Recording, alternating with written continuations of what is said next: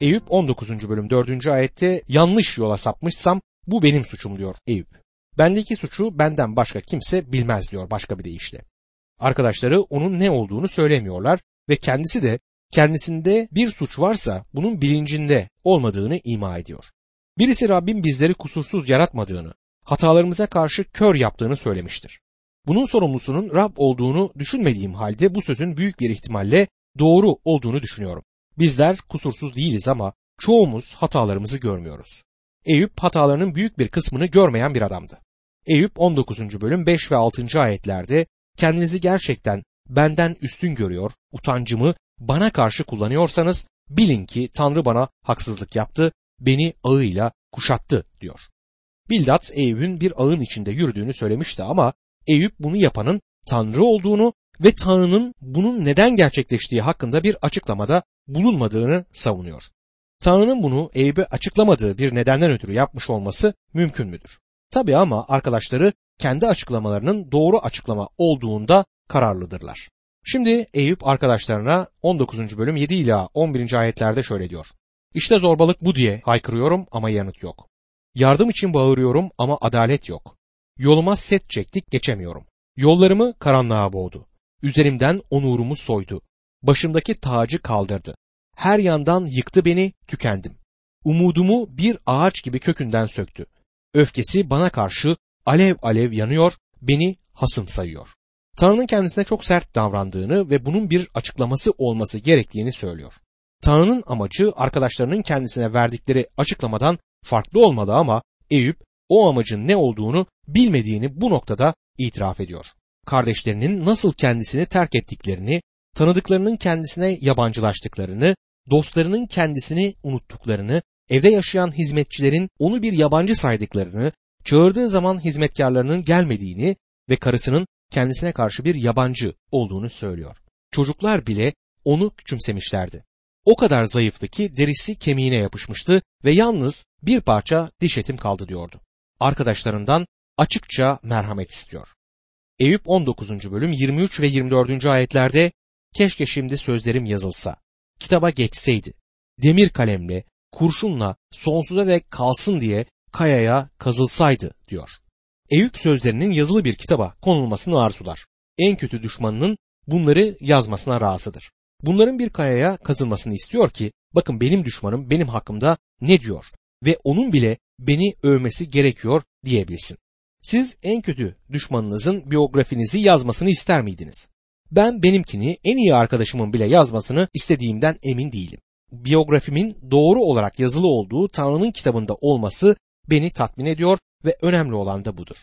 Şimdi Eyüp büyük imanlı dile getirecektir. Arkadaşları onu kırmaya çalışıyorlardı ki bu aslında şeytanın ince bir girişimiydi. Şeytan arkadaşları aracılığıyla Eyüp'ü Tanrı'nın önünde alçak gönüllü olmadığı halde hala kendini savunmaya çalıştığı bir konuma getirmeyi başarmıştı. Ancak Eyüp henüz en dibi boylamamıştı. Bu arkadaşlar onu tamamen kıramamışlardı. Tanrı'ya karşı diri ve gerçek bir imanı vardır ve burada kutsal kitabın en büyük sözlerinden birisini söyler. Ama önemli olan sözün büyük olması değil, bu sözlerin ölmek üzere olan hasta bir adam tarafından söylenmiş olmasıdır. Her şeyini kaybetmiştir. Yüce Tanrı'nın disiplini altındadır ve kırbacı sırtında hissetmektedir ve hala bakın Eyüp 19. bölüm 25 ila 27. ayetler arasında nasıl diyebilmektedir. Oysa ben kurtarıcımın yaşadığını, sonunda yeryüzüne geleceğini biliyorum. Derim yok olduktan sonra yeni bedenimle Tanrı'yı göreceğim. Onu kendim göreceğim. Kendi gözlerimle başkası değil. Yüreğim bayılıyor bağrımda diyor. Eyüp hastalanıp bütün sorunlarının şoku içerisindeyken ölmek istediğini söyledi. Yok olmaktan söz etmiyordu. Kendisini sıkıntılardan kurtaracak olan ölümden söz ediyordu. Bence bu açıktır. Dirileceğini biliyordu. Bedeninde Tanrı'yı göreceğini biliyordu. Öldükten sonra kurtlar bedenini yok etse bile yine de bedeninde Tanrı'yı göreceğini biliyordu. Ölümden dirilmeye inanan birisiydi. Dostlar bizim bu bedenlerimiz toprağa dönecek. Mesih'te ölenlerin bedenleri uyutulacak ama ruh hemen anında Mesih'le birlikte olmaya gidecektir. Bu harikadır. Eyüp bu büyük sözü söyledikten sonra yine Eyüp 19. bölüm 28 ve 29. ayetlerde dostlarına yakarıyor. Eğer sıkıntının kökü onda olduğu için onu kovalım diyorsanız kılıçtan korkmalısınız. Çünkü kılıç cezası öfkeli olur.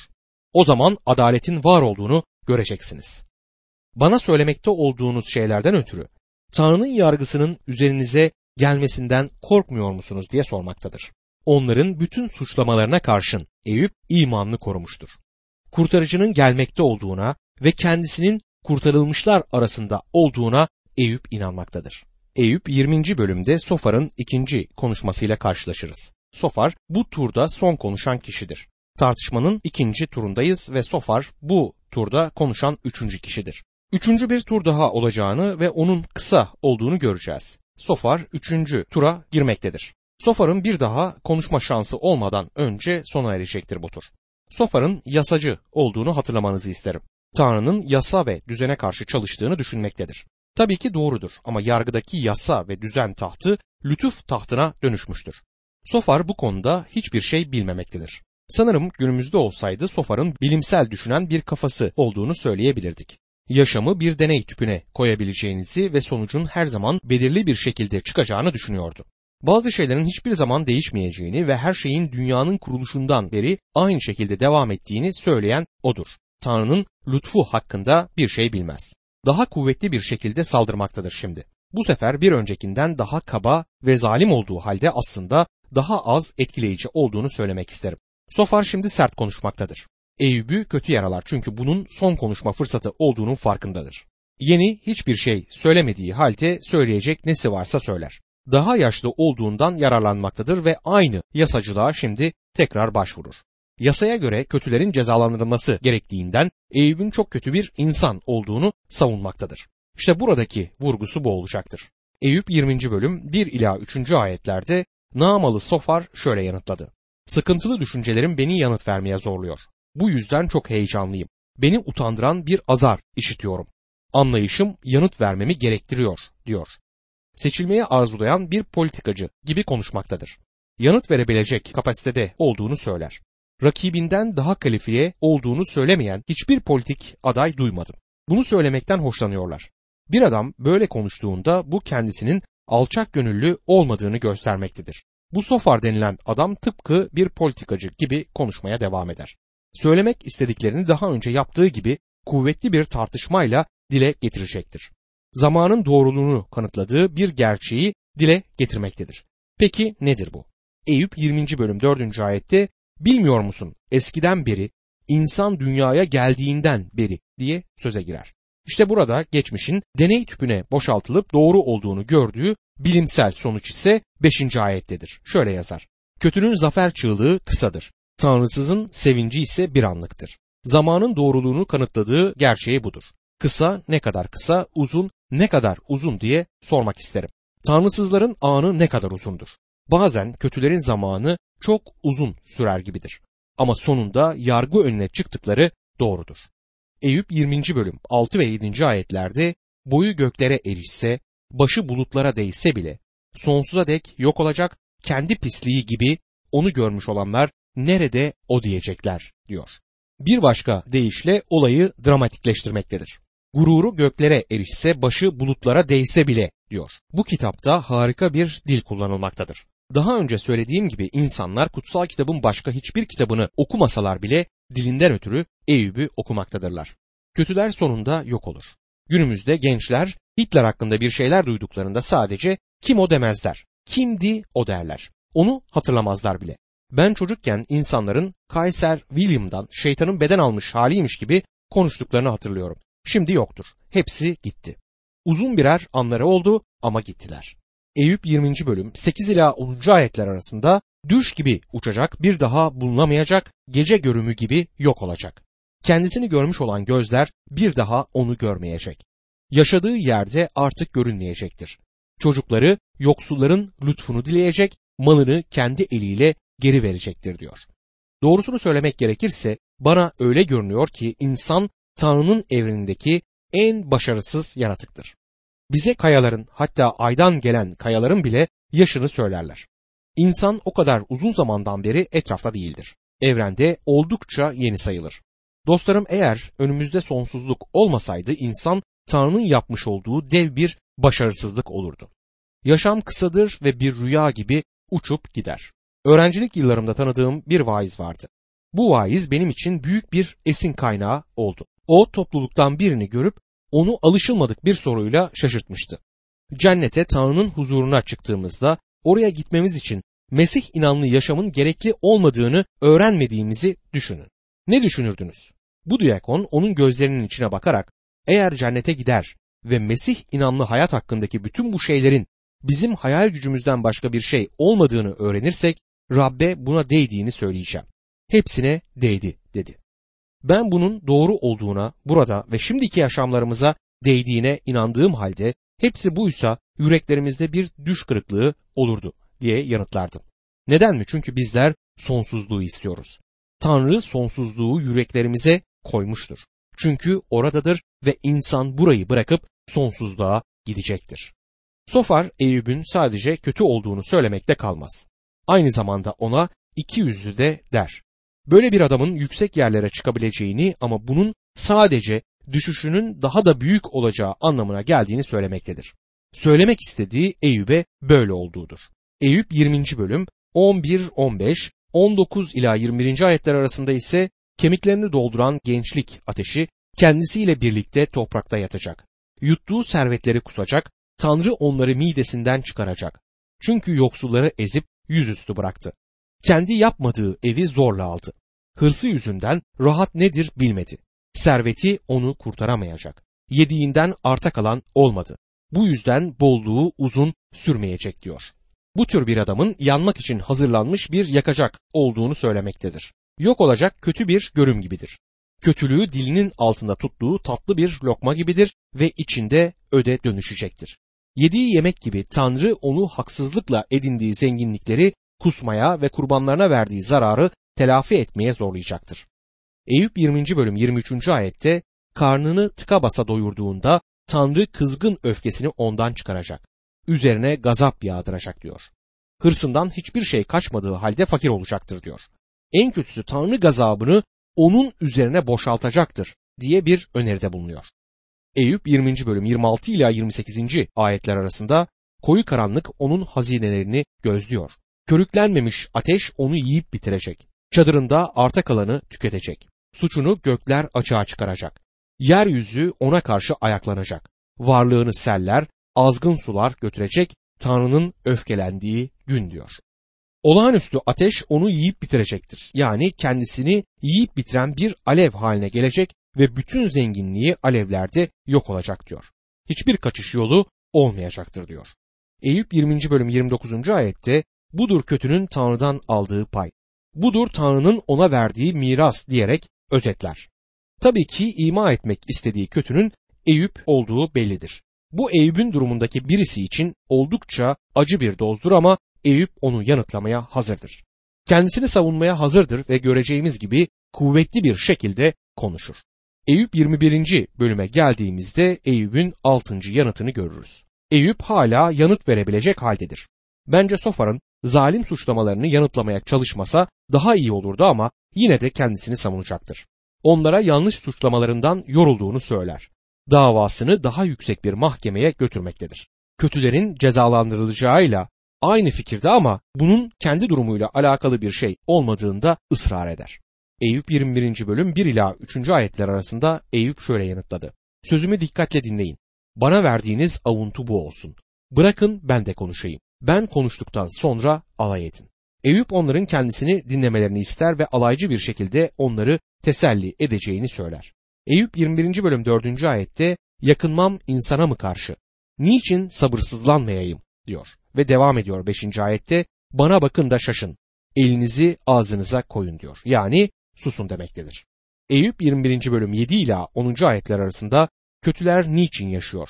Yaşlandıkça güçleri artıyor. Çocukları sapasağlam çevrelerinde, soyları gözlerinin önünde. Evleri güvenlik içinde korkudan uzak. Tanrı'nın sopası onlara dokunmuyor. Boğalarının çiftleşmesi hiç boşa çıkmaz. İnekleri hep doğurur, hiç düşük yapmaz diyor. Eyüp şimdi onlara tartışmalarının akılsızlığını gösterecektir.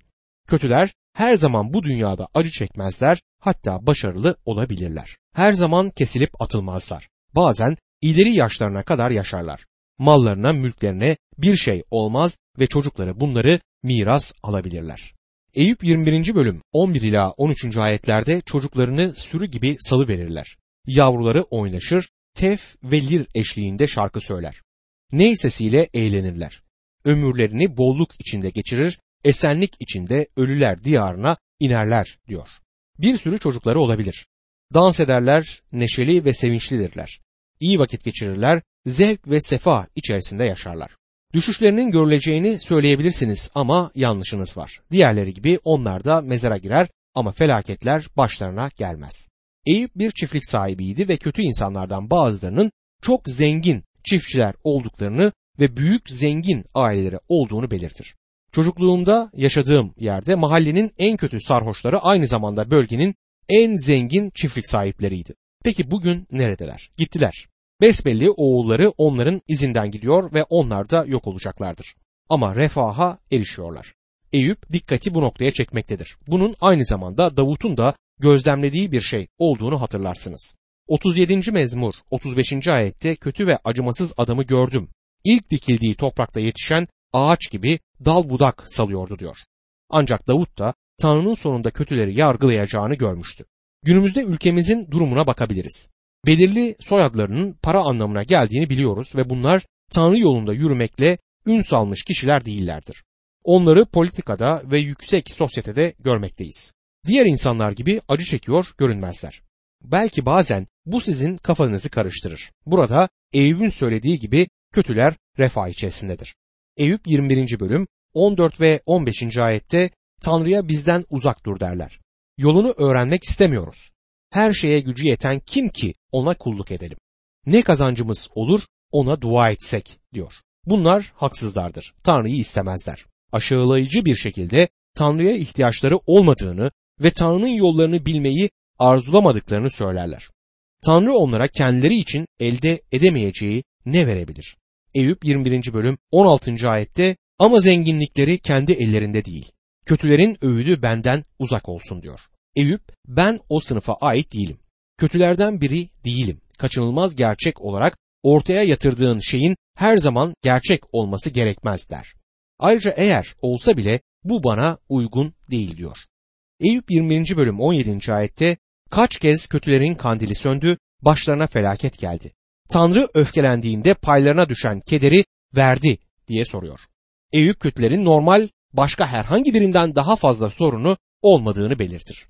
Eyüp 21. bölüm 18 ila 20. ayetler arasında kaç kez rüzgarın sürüklediği saman gibi, kasırganın uçurduğu saman çöpü gibi oldular.